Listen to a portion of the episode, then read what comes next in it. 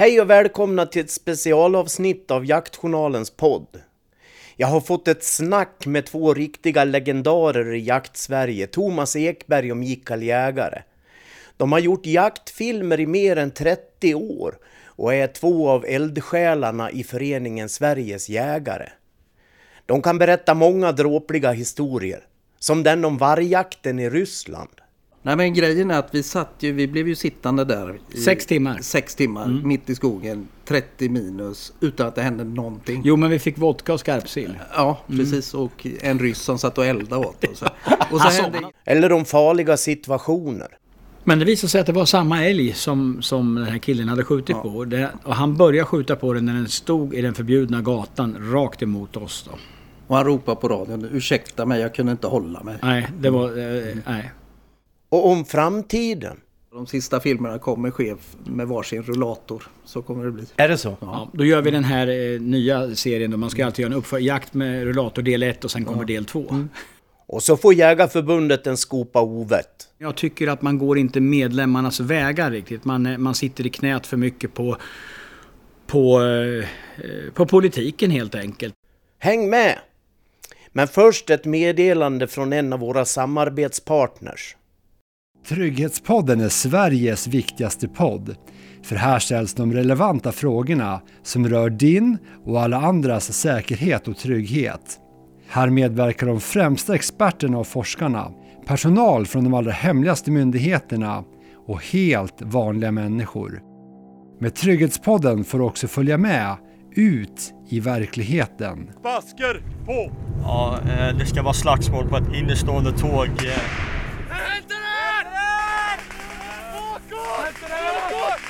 Hör alla avsnitt av Trygghetspodden och se bilder och videor på trygghetspodden.se.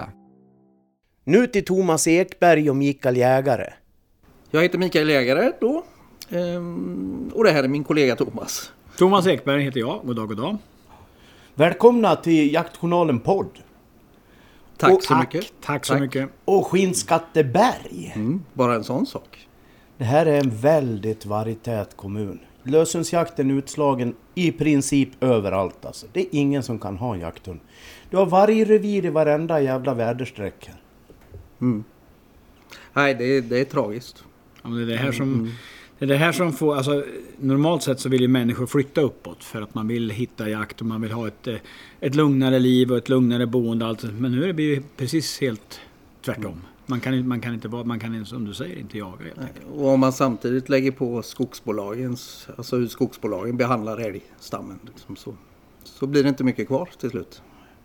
Nej. Ni två ni har ju blivit närmast en institution i jakt-Sverige. Eh, hur länge har ni filmat ihop? Vi räknar ju på det där, vi, vi är lite osams om det. Ja, precis, vi Men räknar lite fram och tillbaka. Vi kommer fram till olika saker nästan Vi, vi tror det är 31 år. Ja. Någonstans där. Och hur börjar det? Ja, det kan du dra lite. Det är ju, det är, det är en lång story men vi, vi har ju precis färdigställt en bok om våran, vårat liv tillsammans på Diana stigar. Och vad heter den? Del 1. Ja, precis.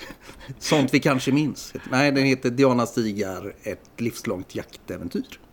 Mm. Ska finnas i handeln från och med sista veckan i november faktiskt.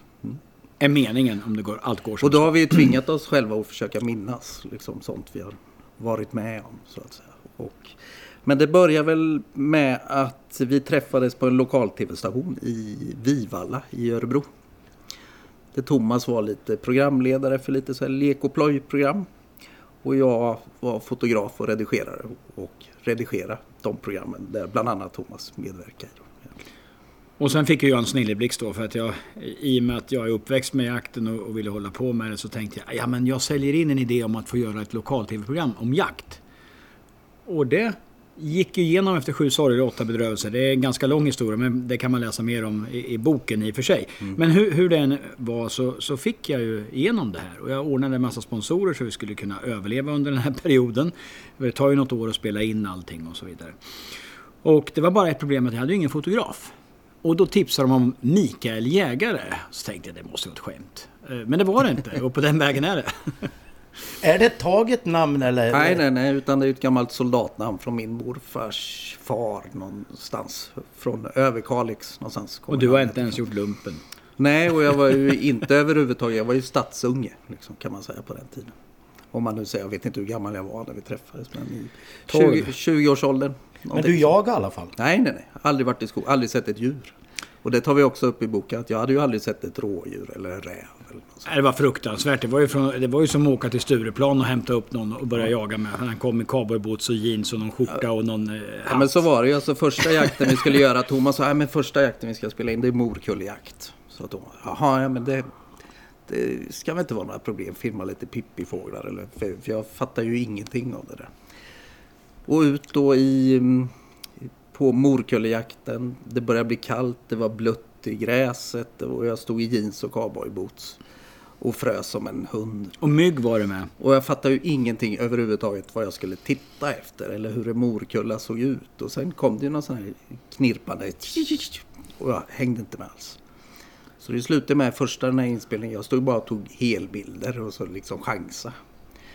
Men på något sätt fick vi ändå ihop tre, fyra minuter jaktreportage och det var ju första inspelningen. Det, och början på den filmen som sen hette Diana Stigar, Jakt på fågel.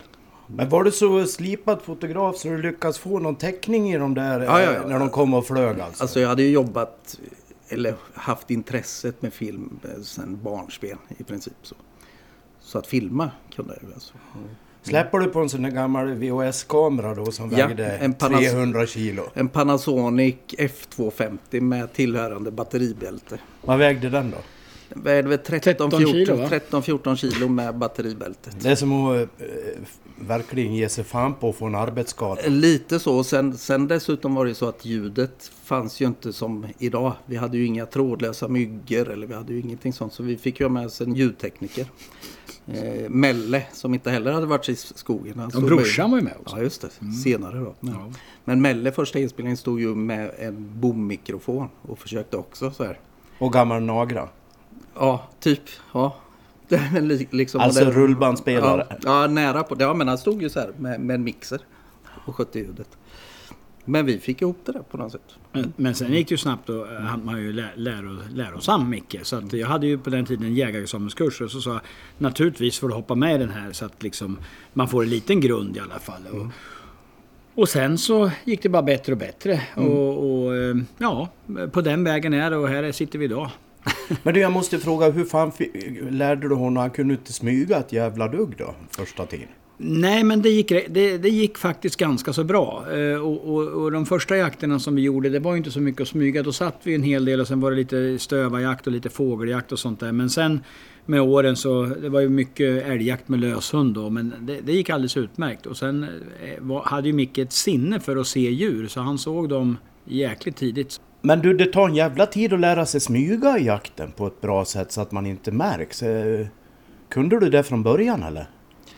Nej, det kunde man givetvis inte. Och de första jakterna, så det var ju mycket, alltså vad ska man kalla det, lite enklare jaktformer. Vi satt i något torn och väntade på någon råbock och lite så här. Men man fick ju lära sig från början. Ja, det är ju sådär att eh, han var väldigt lättlärd. Nu låter det som att det är något husdjur jag har släpat in. Men han, han lärde sig ganska så fort. Och, och med tiden så hade vi väldigt mycket rörlig jakt. Vi smög mycket på, på hjortdjur och vi jagade mycket älg med löshund. Och det här ta, gå i de stegen jag går och så vidare. Och, och sen gick det per automatik. Och sen många år tillbaka så behöver vi inte ens titta på varandra när det ska smälla. Vi behöver, från början så frågar man, är du med nu? Ska vi, kan vi skjuta nu? Och så vidare. Men, men det, det var, många, det var länge sedan vi gjorde det. Så, så det gick bra, jättebra. Och så var han ju med i jägarexamenskursen där, så han fick ju en grundplåt i alla fall. Men det måste väl vara ungefär det jävligaste man kan ge sig in på och filma jakt alltså. Det är några jävla strapatser ute i terrängen och... Det, svå- det svåra med att skildra jakt generellt är ju inte själva filmandet kanske. Eller att få till skott. Alltså, det är klart man får lägga mycket tid på det. Det svåra är ju att skildra det re- rent redigeringsmässigt. Sen. Eftersom det, man vill ju att det ska upplevas som, som när vem som helst är ute och jagar. Och det är ju det som är det svåra. Och det är svårt speciellt när det gäller kanske jakt med drivande hund och få till det här skeendet att nu, nu, är det ett, nu närmar sig drevet och allt det här. Så det, det, det är mycket det- det tog tid att lära sig liksom hur, hur skildrar man redigeringsmässigt en jaktdag. Du, jag utgår ifrån att du måste ha råkat ut för hundratals tekniska haverier. Nu får du dra de värsta exemplen. Ja, men faktiskt, vi har varit rätt förskonade. Det var ju jobbigt i början, speciellt då på den här första tiden med de här stora grejerna som inte heller tålde fukt. Så fort det började regna var vi tvungna att gå in. Vi var ju tvungna att bryta, för annars pajar utrustningen. Och batterier la av och, och det är liksom mycket som kärvade. Vi fick imma på- inuti linser och sånt där. Alltså. För det var inte alls samma teknik som vi har idag.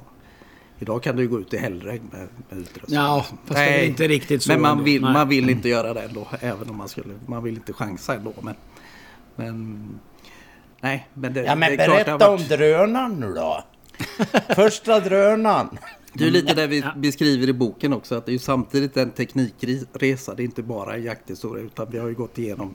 Alltså det fanns ju inte internet. Det fanns inte mobiltelefoner. Ja, mobiltelefonerna var ju de här stora tegelstenarna. Ja, så här, liksom. bärklossar som man hade med sig från början. Men, men drönaren, det är inte bara att den försvann. Han höll ju på att ha ihjäl mig med den en gång Ja, ja, också. Vad hände då då? Ja, då skulle vi jaga gäss va? Ja, precis. Ja, det gjorde vi. Jaga gäss och, och du vet, så kom ju... Eh, så kom det gäss och då skulle han liksom filma uppifrån och jag skulle upp och skjuta. Och, och sen hade han väl inte riktigt koll på det där med drönaren så den kom ju liksom precis. Så jag, jag fick kasta mig ner i ömslet då, så då, då var det jävligt nära ska jag säga på ren svenska. Men Men, uppe på eh, fjället så det du en drönare? Ja, jag har kraschat Vad fler, hände då? flera drönare. Kraschat. Nej, men då var det alltså, den fick bara tokspel. För de här första drönarna var ju inte helt hundra när det gällde täckning och sådär. Utan den bara fortsatte. Den Försvann över en fjällrygg. Och den bara fortsatte och bara såg en prick och det gick inte att hejda den. Så den flög ju i princip till batteriet tog slut. Ja, nu har du glömt den där som du har berättat för mig. Vilken var det? Drönaren som återvände men på fel höjd och rakt in i en björk. Ja, men alltså sånt där händer ju hela tiden. Men, men Men den drönaren, eh, den gången som for över en fjäll så tänkte jag den här ser vi aldrig mer. Nej. Men när vi hade kommit, eh, ja, gått runt en, hade säkert gått en mil eller någonting. Då hittade jag drönaren. Då låg den vid en bäck. Så, så den klarade sig. Ja. Men det har vi slutat med, Ja. med drönare. Sen skulle vi med oss drönaren till Sydafrika för vi skulle dit och filma. Och sen när, när vi öppnade eh, resväskan, när vi väl kom till campen så var den totalt smashad. De hade misshandlat den här väskan liksom, och, var, och den var av på mitten. Liksom. Den var avbruten. Så att, så att det händer mycket, kan hända mycket med teknik. Men sen var vi i Skottland också. Där, därför det är så vackert vet du, med eh, alla hedar och allting där. Så där skulle vi ju verkligen filma med drönare. Det skulle bli en sån superfilm. Men det var bara så att det, det gick ju inte. För flyg, flygvapnet hade ju stängt av så det gick inte att ha någon drönartrafik. Så den fick vi ta med oss hem. Ja, det gick inte att få signaler. Nej. Men teknik har vi ju, alltså vi har ju gått igenom fyra eller fem olika videosystem sedan vi började. Och från de här stora grejerna till idag så, så alltså, kan man göra fantastiska filmer med väldigt små medel egentligen. Det är nästan så telefon funkar idag. Ja, ja. Så är det ju. Alltså en telefon idag har ju kanske fyra eller fem gånger bättre upplösning än när vi började. Men eh, jag har bett er att ta fram eh, och försöka minnas de här riktiga katastroferna som har inträffat. Det har ju aldrig hänt. Nej, det var bra, bra upplevelse. Ja men det har ju hänt så otroligt mycket genom de här åren. Och, och vi har ju gjort lite så här bloopers har ju du gjort lite så här tokgrejer som händer liksom. Eh, och De blir ju ganska så roliga. Men vi, vi har ju blivit kan ju- beskjutna vi kan ju- och det är all, ja, allt möjligt ja. liksom. Ja, vi passerade ju faktiskt Grimsö här Mm. forskningen när vi var på väg upp hit. Och där har vi no, alltså, vi var rätt mycket där och filmade både forskningsprojekt men vi var även med på... Vi jagar ju två gånger i veckan där Ja, då, vet jag. så vi var på, på den tiden det fanns älg, ska vi säga. Ja, det var inte vargjakt då? Nej, Nej, det var inte det. älgjakt. Ja, nu är det vare sig det ena eller det andra där kan jag tänka mig. Men då, då hände det ju lite grejer. Då vart vi ju faktiskt... Eh, Det kunde gått riktigt det kunde ha gått riktigt illa. Vad hände? Nej, men vi hade ju, det var ju så att eh, man släppte ju en stor tjur då på den, på eh, den här jaktdagen då. Och det spelade ingen roll om den var sändarmärkt eller inte utan den skulle vara över 10 taggar tror jag det var, eller någonting sånt där, 11 taggar eller något. Och, eh, ja, vi fick ett pass tilldelat, vi stod på pass då och eh, jämte oss så, så var det en kille som ställde ut oss. Ingen, namn, ingen nämnd, ingen glömd. Vi, eh, eh, och han sa här ska ni stå, ni får absolut inte skjuta däråt, ni får inte skjuta däråt. Utan, eh, vi såg att det var förbjudna skjutmarkeringar så det var inga konstigheter. Och ut kommer det ju en, en torrtaggare eller någonting va. Perfekt bra, så jag skjuter ett skott på den. Sändarmärkt med ett Sen, stort, sen, stort, stort eh, gult halsband. Jag skjuter en smäll på den och jag ser ju att det tar där det ska. Sen går älgen lite halvbåge så här emot oss ner i, i den förbjudna skjutmarkeringen och, och går ner på knä och ska liksom bara gå omkull. Och då börjar det bara smälla. Helt hysteriskt. Och sen så tänkte vi inte mer på det för vi såg inga mer älgar. Vi tänkte att det är någon annan som har skjutit någonting i närheten här. Så att, eh, och det var signalskott på den här så jag sköt tre signalskott ner i en tallrot. Och eh, helt plötsligt så kommer det tre signalskott till. Jaha, fasen det var ju otur för honom tänkte jag. Då har vi skjutit över. Eftersom jag sköt först då. Men det visade sig att det var samma älg som, som den här killen hade skjutit Ja. på. Och, det, och han började skjuta på den när den stod i den förbjudna gatan rakt emot oss då. Och han ropade på radion. Ursäkta mig, jag kunde inte hålla mig. Nej, det var... Eh, nej. Åh fy Och, fan. och vi, vi var- vadå liksom? Eh, nej, jag kunde inte hålla mig, det var så stora horn på den. Så. Ja, men fan, sköt du på samma älg som oss? Ja, sa han. Så det vart ju... Men som tur var så... Det var rätt, festligt det där. Eh, Efteråt så berättade vi om episoden då för jaktledarna där, och forskarna. Och eh, de tyckte det var bedrövligt så att vi skulle jaga även dagen efter. Så vi hade med oss en film på hela händelseförloppet och visade upp den. Så att eh, det, det var rätt så bra. Då var det bra att ha filmkameran med. Så att eh, den här eh, killen nu, eh, inget fel på honom personligen men, men det här var ju ett grovt fel då. Det var ju bara att lämna. Den, den filmen visades upp på morgonen innan vi skulle jaga då. Han fick inte vara med mer. Nej, nej. Så det var en gång. Det Men var det en gång. det Men det, var mer otäckt. Det var ingen, ingen rolig dräparhistoria. Det var ju väldigt tråkigt egentligen. Ja, fy fan. Oh. Nej men och sen har vi gjort ganska mycket utlandsresor också så här genom åren. Och framförallt Rysslandsresorna, ett par stycken. Det är de man minns tydligt. För det är sån, sån kulturkrock. Liksom. Vad var det som hände där då? Vi var ju först och främst på björnjakt Ja, det var första gången. första Mm. gången. Och det, finns, det kan man också läsa om i boken, alltså vad som hände där. För det är också som sagt kulturkrock mot hur vi jagar i Sverige. Kom igen och kom loss nu. Vad var det som hände? Som sagt, det är en cliffhanger till boken. Men däremot vargjakten var ju att vi, vi kommer till, till landar i Moskva. Med ett gäng som vi ska åka dit med. Eh, och vi blir utkörda i en minibuss och jag minns inte om vi åker tåg en bit också. Nej, Men, inte, inte dit. Det gjorde vi Nej. hem sen tror jag. Men det, var, det, vi- det jag minns när vi klev av den här minibussen. Eh, var bara den resan var ju otäck. Den var ju värre än flygresan kan jag säga. Eh, så var det 30 minus till att börja med. Mm. Och sen på morgonen så skulle vi ut och då skulle man ju naturligtvis eh, ringa då. Och kolla så vi kunde sätta upp lapptyg. För vi var ju där i syfte att lära oss det här om vargjakt. För vi trodde ju i vår enfald att, eh, det här var ju slutet på 90-talet, vi trodde ju att ja men det här är ju snart dags i Sverige, vi måste ju naturligtvis jaga varg här också. Så vi, vi var ju där mera för att lära oss hur, hur man skulle göra. Eh, och, och det var jäkligt spännande. Och sen så, eh, sen hände det inget mer höll jag på att säga. Det kan Nej, du ta utan, över om utan, du utan vi, vi tolkar ju ut, alltså stod på skidor efter två skotergubbar som, eh, som då skulle släppa av oss och sen skulle de bara åka och ringa en liten bit och kolla vart de hade vargarna med, med skotrarna i området. Vi ska då tillägga så att säga att skotrarnas eh, eh, bränsle Nej, det, var bara inte rent. blå rök. Så man höll på att dö när man stod där bakom. Vadå, skulle de driva in vargarna med skotrar nej. åt er? Utan de, tanken var ju så att de skulle släppa av oss på ett ställe där vi skulle sitta och elda och vänta på dem. För de skulle bara ringa ett litet område och titta för de visste väl att de hade vargar i området. Och sen lappa? Och sen skulle de bara lappa, sätta lapptyg runt och sen skulle vi stå på pass.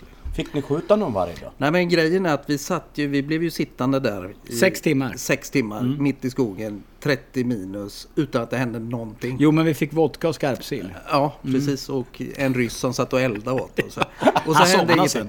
Men till slut så hörde vi ju ett skott och så ett skott till. Och sen kommer de här två ryssarna på skotrarna med en varg. Skitglada ska Ja, tilläggas. skit, och bara strålande glada så här. Och och vi kunde inte göra oss förstådda. Jag vet inte, våran tolk var väl inte med kanske. Jag vet inte. Men på något sätt så far vi ut till bilarna där vi hade utgått ifrån med den här vargen i pulka. Ute, och de är fortfarande överlyckliga de här ryssarna och vi fattar ju ingenting. Liksom, det, var ju, det var ju de svenska jägarna som skulle skjuta. Vi hade ju köpt en jakt Ja. för att jaga liksom. Ja.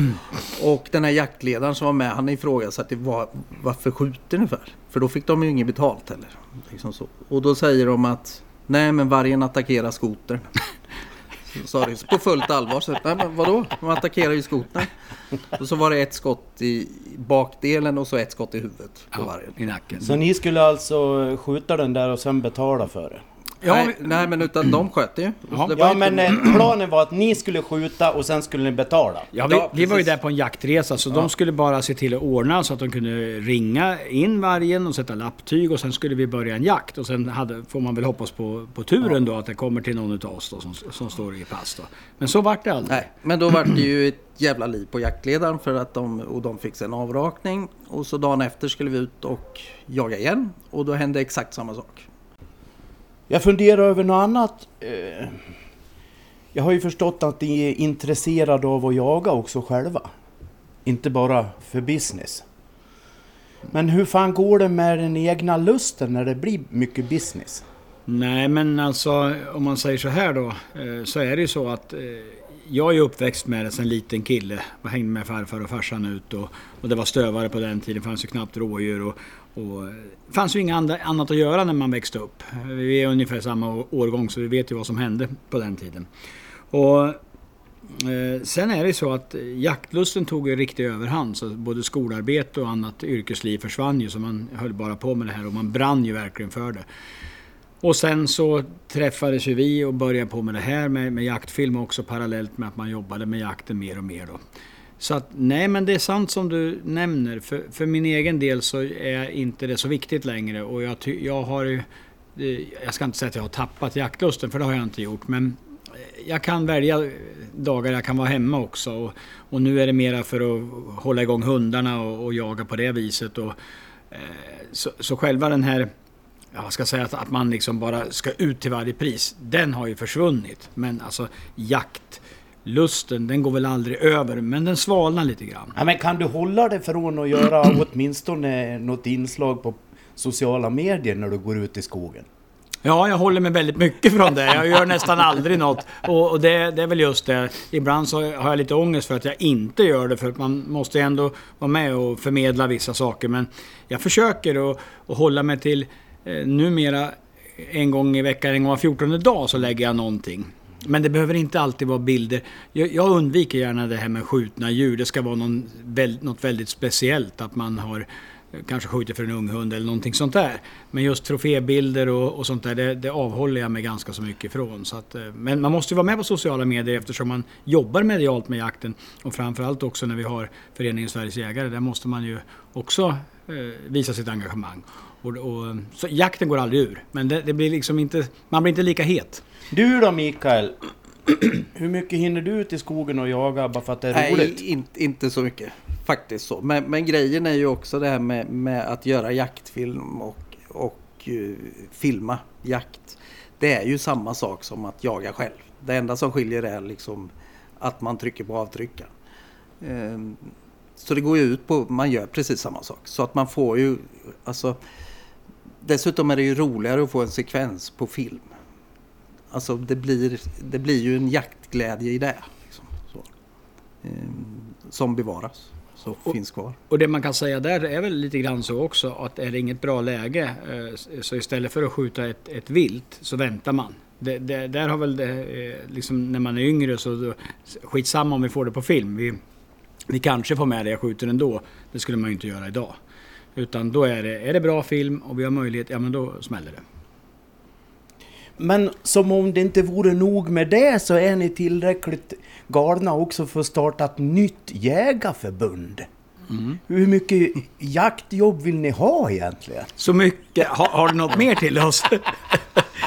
Nej, men saken är den att eh, när jag fick den här grundtanken, för jag får väl säga att det är jag som är boven i dramat då, att jag startade upp det här. Det fick jag nog för 20 år sedan ungefär. Det började nog det började i takt med att morkulljakten försvann och det är väl, var väl 96 eller någonting sånt där. Och då tänkte jag, vi, man måste ju jobba och stå upp för sina, sina värderingar och, och, och sitt, sin jaktliga kultur. jag tycker liksom att man har försummat det här rätt så mycket.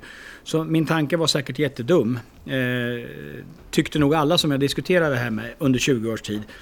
Men sen till slut så tänkte jag nej, jag, jag var så trött på, på allt som inte hände. Eh, och tänker att ja, vi ska jobba med någonting som eh, kan gagna våra barn och barnbarn så de får uppleva samma sak som vi har gjort.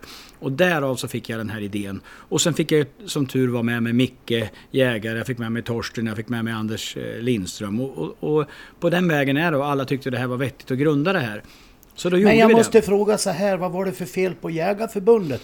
Varför engagerade du inte där och försökte påverka inifrån en jättestor organisation? Vad var det för fel på dem? Nej, men det var väl lite grann så, så det, att eh, det, där fanns det nog också lite prestige. Att, eh, jag var ju ändå ganska medial och fanns mycket ute. Och det kändes som att det var på något sätt en konkurrenssituation och man ville väl gärna inte Eh, jag, jag tror gärna inte man ville ha med mig av, av, olika anledningar. Men det var väl kanske inte det utan jag tycker att man går inte medlemmarnas vägar riktigt. Man, eh, man sitter i knät för mycket på på, eh, på politiken helt enkelt. Man, man är beroende av sina bidrag och då, då går man inte 100% medlemmarnas vägar. Och ska jag göra någonting då vill jag gå... Jag vill ju göra det här för, för mina medlemmar. Eh, få, få det bättre. Få kunna be, bevara kulturarvet och, och eh, ja, sätta det på sin spets. Och det Ja, men du, jag... det där måste du exemplifiera. Vad menar du? I vilka frågor går de inte medlemmarnas eh, väg?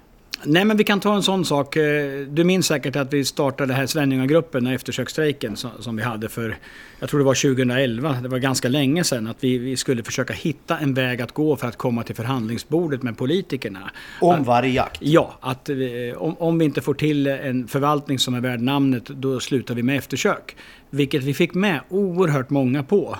Vi var ute och, och höll föredrag, till, eh, åkte land och rike runt utan en krona och pratade i bygdegårdar och allt. Det var Kjell Lennartsson och jag framförallt som, som drev det här ganska hårt då från Svenljungagruppen. Vi var inte många, vi var fyra, fem stycken som höll på med det här. Och vi fick ett väldigt bra gehör. Eh, och vi fick ett väldigt bra gehör egentligen från alla organisationer. Dock inte från Jägarförbundet. Eh, och där kände jag väl ganska så direkt att här är man lite för rädd om, om, om det man har i, i bidragsform och allting sånt. Så man gick faktiskt inte sina medlemmars vägar. Utan det var väl egentligen de eh, faktiskt då som bromsade det här. Det här är inte rätt väg att gå, vi måste ta det här politiskt. Och det har vi ju sett hur det har gått än så länge. Sen får vi se om vi hittar en väg framåt. Eh, och där kändes det som att nej, vi, vi ska göra någonting för, för jägarna ute i landet helt enkelt. Hur har det gått för er nu då? Hur många medlemmar har ni? Ja, det är vi två. Ja, det är vi. Nej, men det där, eh, vi har ju fått ett nytt medlemssystem som, som har, har varit lite svajigt och vi, vi har lite svårt att säga, men vi tror att vi är, vi var två och ett halvt vid årsskiftet när vi skiftade om och nu tror jag vi är 12-1300 och sen så släpar det väl lite efter med betalningar och sånt, det blir ju ofta så då. Så det är väl, egentligen så är det så här, när man, när man grundar en sån här organisation så är det mycket nyhetens behag. Man tycker att fasen var bra, ja de här ska vi köra på. För de kommer nog förändra jaktvärlden på sex månader. Vilket är helt orimligt. Men det vi har hunnit med på två års tid är eh, helt enormt på egentligen fyra personer som har jobbat ganska så intensivt i styrelsearbetet. Och, och det är ju helt ideellt. Det känns rätt så skönt. Men jag tror att vi har en väg framåt och det känns ändå som att eh, vi vinner lite. Eh, vi- har kommit in som remissinstans överallt och det tycker jag är kul. Vi får vara med i de stora frågorna. Vi har faktiskt påverkat mm, politikerna på ett positivt sätt. Sen är det klart att Ingenting görs över en natt, men däremot så har vi kommit väldigt långt i bland annat kötthanteringsfrågan där, där vi redan ligger som på landsbygd, landsbygdsdepartementet och hoppas på ett pilotprojekt och får vi igenom det då har vi vunnit en väldigt stor seger. Och då ska det bli enklare för jägare alltså att få ut köttet i handeln. Absolut. Nu får ni lista de tre viktigaste frågorna som ni har att jobba med i den här föreningen. Och i rangordning, nummer ett. Ja, nummer ett så är, så är det ju naturligtvis något som känns väldigt hopplöst i alla fall fram till 2025 och det är ju, det är ju vargpolitiken men den jobbar vi med i alla fall. Eh, och den är ju viktigast för det är den som förstör hela landsbygden idag. Och, och, och framförallt också det här med eh, skyddsjaktsangreppen som, som måste ske vid första angreppet. Idag, idag måste man ju ha en massaker innan man ska få en skyddsjakt exempelvis. Och då följer det per automatik med ekonomin. Här måste ju Länsstyrelsen och Naturvårdsverket eh, naturligtvis betala för det uppdraget som jägarna står och gör helt ideellt.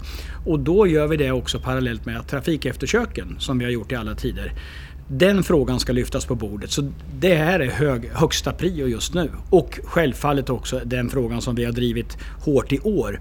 Det är ju älgen. Älgen som snart är rödlistad. Och den dagen den blir rödlistad, då kommer det bli väldigt svårt att få tillbaka jakten överhuvudtaget. Men vargfrågan då, kan vi vara överens om att eh, den kommer ju ha ihjäl hela den svenska jaktkulturen om det inte går att släppa en löshund längre? Men så är det ju. Såklart. Det är Ja, vi ju helt är överens om. Så är det. Det är vi helt överens om.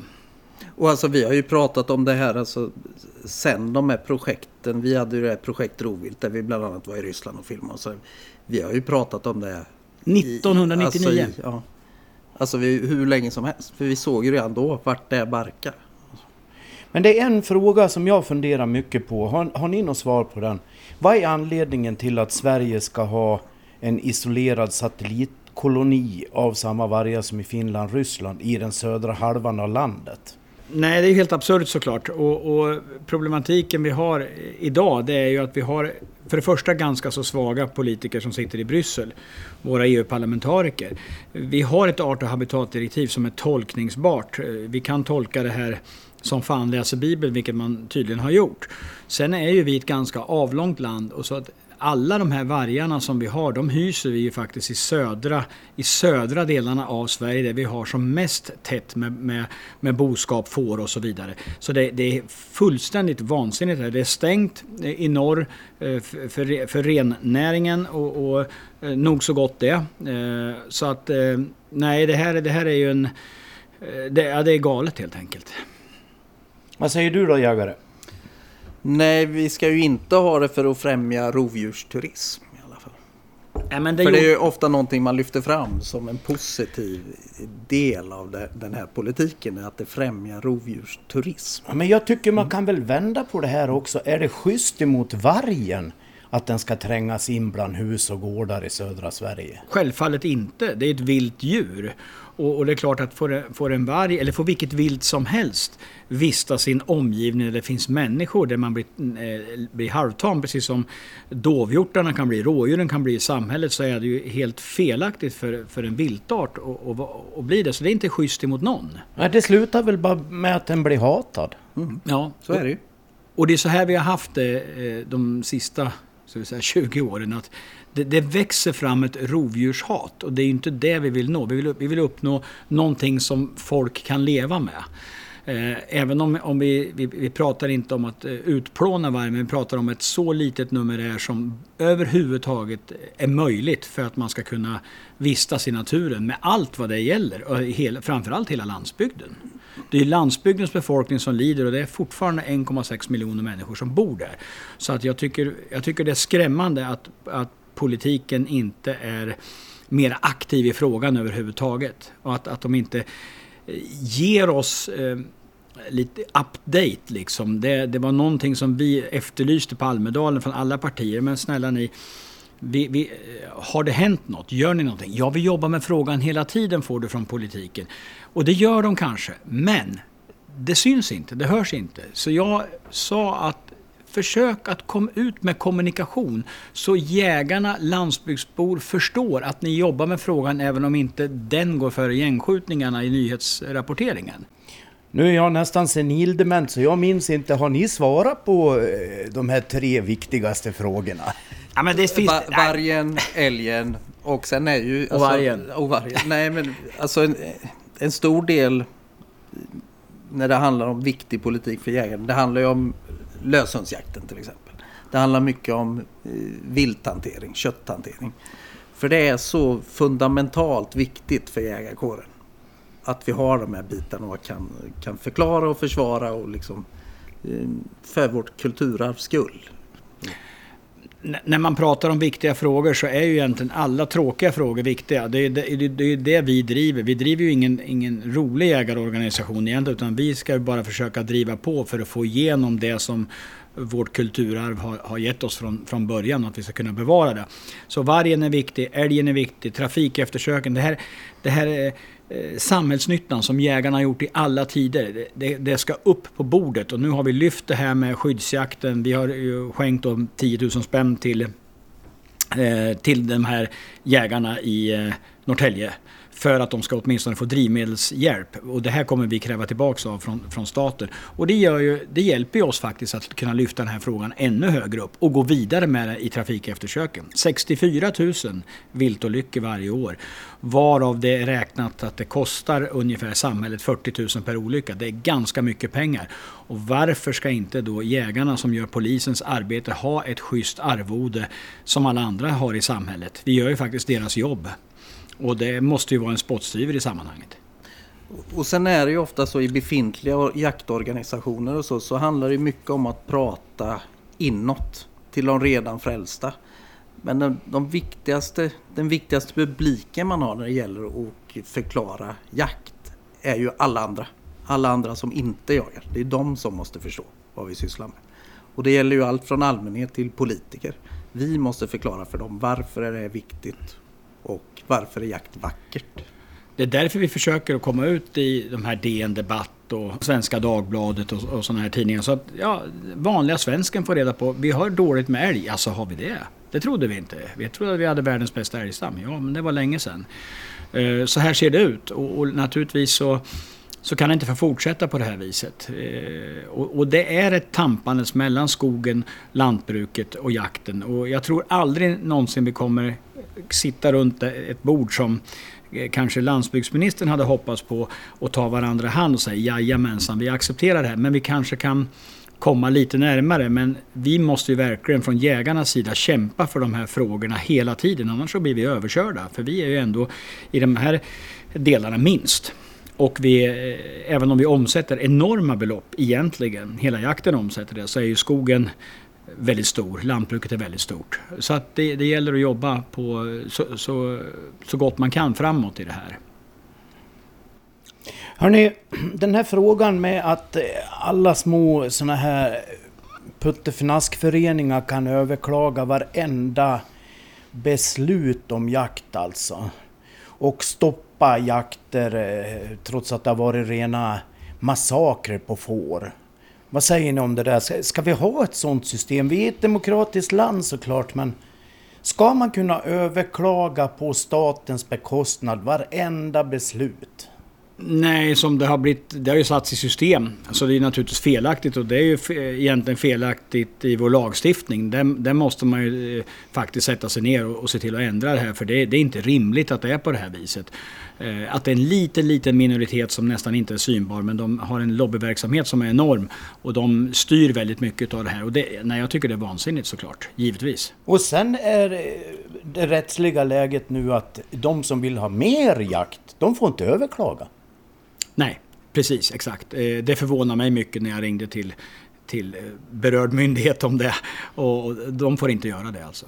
Det, jag, jag förstår mig inte på det här rättssystemet. Det här är någonting som man måste ta tag i omedelbart från politikens sida och ändra på det här. Det är ju det är någon, något fel i, jag vet inte om det ligger i grundlagen det här, det gör det väl naturligtvis, men man måste kunna ändra saker och ting som är helt vansinniga. Och idag är det ju helt vansinnigt. Vi har vi har liksom, eh, alltså ba, bara det här med vinterns vargjakt. Eh, Eh, vi får skjuta 36 individer i, i eh, Sverige. Eh, vilket inte är föryngringen ens i Örebro län. Och vi är bra långt över referensvärdet. Mycket över referensvärdet. Och, och och man har argument också från Länsstyrelsen som är helt felaktiga. Där man pratar om att man har inte gynnsam bevarandestatus i det här eh, förvaltningsområdet, i det här länet. Det finns ingenting som heter gynnsam bevarandestatus. Det är ju för landet Sverige. Så där är det felaktigt. Det Länsstyrelsen har gjort där, det är fel. Jägarna blev lite lurade där. Typ. Ja, alltså men jägarkåren är ju en viktig viktig del för politiken under ett valår. Då kan man lova mycket och tycka mycket. Eh, när man träffar dem året efter och man har vunnit så kanske det inte är samma ljud i skällan. Hur tycker ni den sittande regeringen har lyckats hittills? Ja, hittills har det ju inte hänt speciellt mycket. Och, och eh, det är precis som jag sa tidigare, att, att eh, det man pratar om idag det är hur ska vi stoppa gängkriminaliteten och brottsligheten och så krig över hela världen.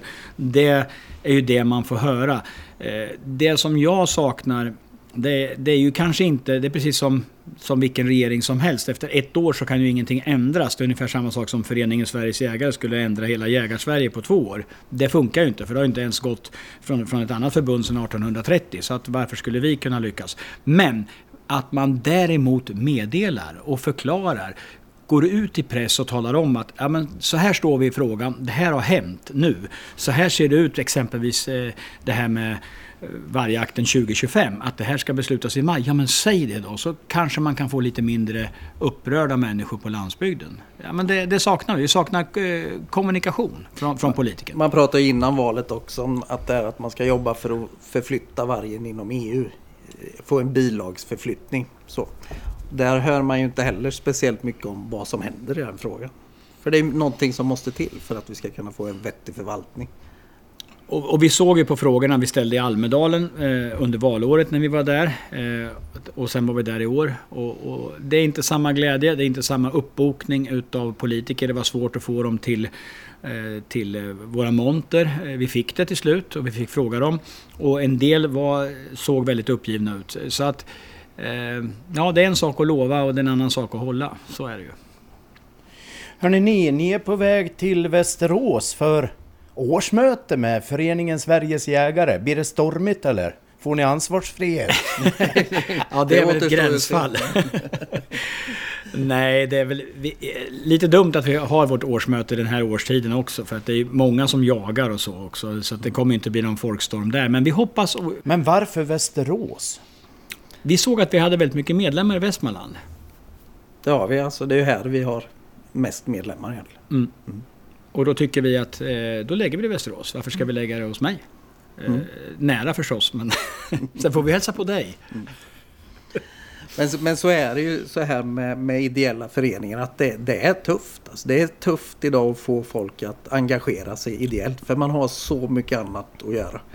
Eh, kanske speciellt i en lågkonjunktur. Man måste ägna sin tid åt annat och då har man liksom inte tid att engagera sig i den grad som, som kanske vore vettigt. Nej, och sen är det ju så att är man en stor organisation och har människor anställda så eh, då blir det en helt annan sak. Det här får man ju ta eh, under lediga stunder. Eh, det som är en nyhet i alla fall för nästa år är att vi kommer att ha en jägarförsäkring till alla medlemmar. Det är många som har frågat efter det och det har vi ju varit lyhörda för. Och vi kommer ha en hel del samarbeten då med, där vi kan hitta lite rabatter och lite bra priser till våra medlemmar. Det är ju det vi kan locka med. Det, det, det, det, är ju så att idag så tror jag människor som ska gå med någonstans ska få väldigt mycket saker för, för pengarna. Att man ska få presenter hit och dit för att vara med och för att locka in dem. Så det, det är jättesvårt och, och jag, jag förstår om, om det är trögt ibland och ah, jag tar det där medlemskapet sen, det hinner jag med. Ah, det tar vi imorgon. Och sen så rinner det där ur sanden lite grann, eller ut, ut i sanden. Eh, men... Eh, Kollektivanslutning? Ja. ja, vi kan, ja, vi får börja med det. Vad damma av det ja. ja kollektivanslutning. En med alla med, så är det. Punkt slut. Och det du, då ska jag avsluta med att gratulera dig. Du har fyllt 60 år Thomas Ekberg. Nu har du närmare till 70 än till 50. Hur känns det? Ja men du, det känns faktiskt eh, inget speciellt. Det känns, eh, det känns bra. Jag, jag tycker att jag, jag mår bra och eh, så länge man kan stå och gå, jobba, vara ute i skogen och kuta så eh, skiter jag om jag är 60 eller 70. Eh, men det är helt rätt, jag har en, en närmare till 70 nu. Men vi har alltid Tack så sagt, mycket. Vi har ju alltid Tack sagt att vi kommer sluta, de sista filmerna kommer ske med varsin rullator. Så kommer det bli. Är det så? Ja. ja då gör vi den här eh, nya serien då. Man ska alltid göra en uppför jakt med rullator del 1 och sen kommer ja. del 2. Mm. Eventuellt del 2. ja, eventuellt del 2. Men det som är lite kul och ändå lite tragiskt, det var att vi, vi trodde ju att vi skulle kunna få alla våra jaktminnen i den här boken som vi ska släppa nu. Men vi har bestämt redan nu att vi, vi fick inte det, så att vi kommer även att göra en uppföljare på så vi håller, vi håller redan på och skriver om den. Eller på den. Innan den första Innan den första släpps. För det var så mycket så ja. vi tycker att vi, vi får inte med allt. Så det blir del två där också då? Ja, ja, ja. ja men det, det, har du sett på alla filmer. Man gör ettan, tvåan, trean, så blir det bara sämre och sämre. Tack för idag. Tack tack för att ni ville vara med i Jaktjournalens podd. Tack själv. Tack för att vi fick vara med.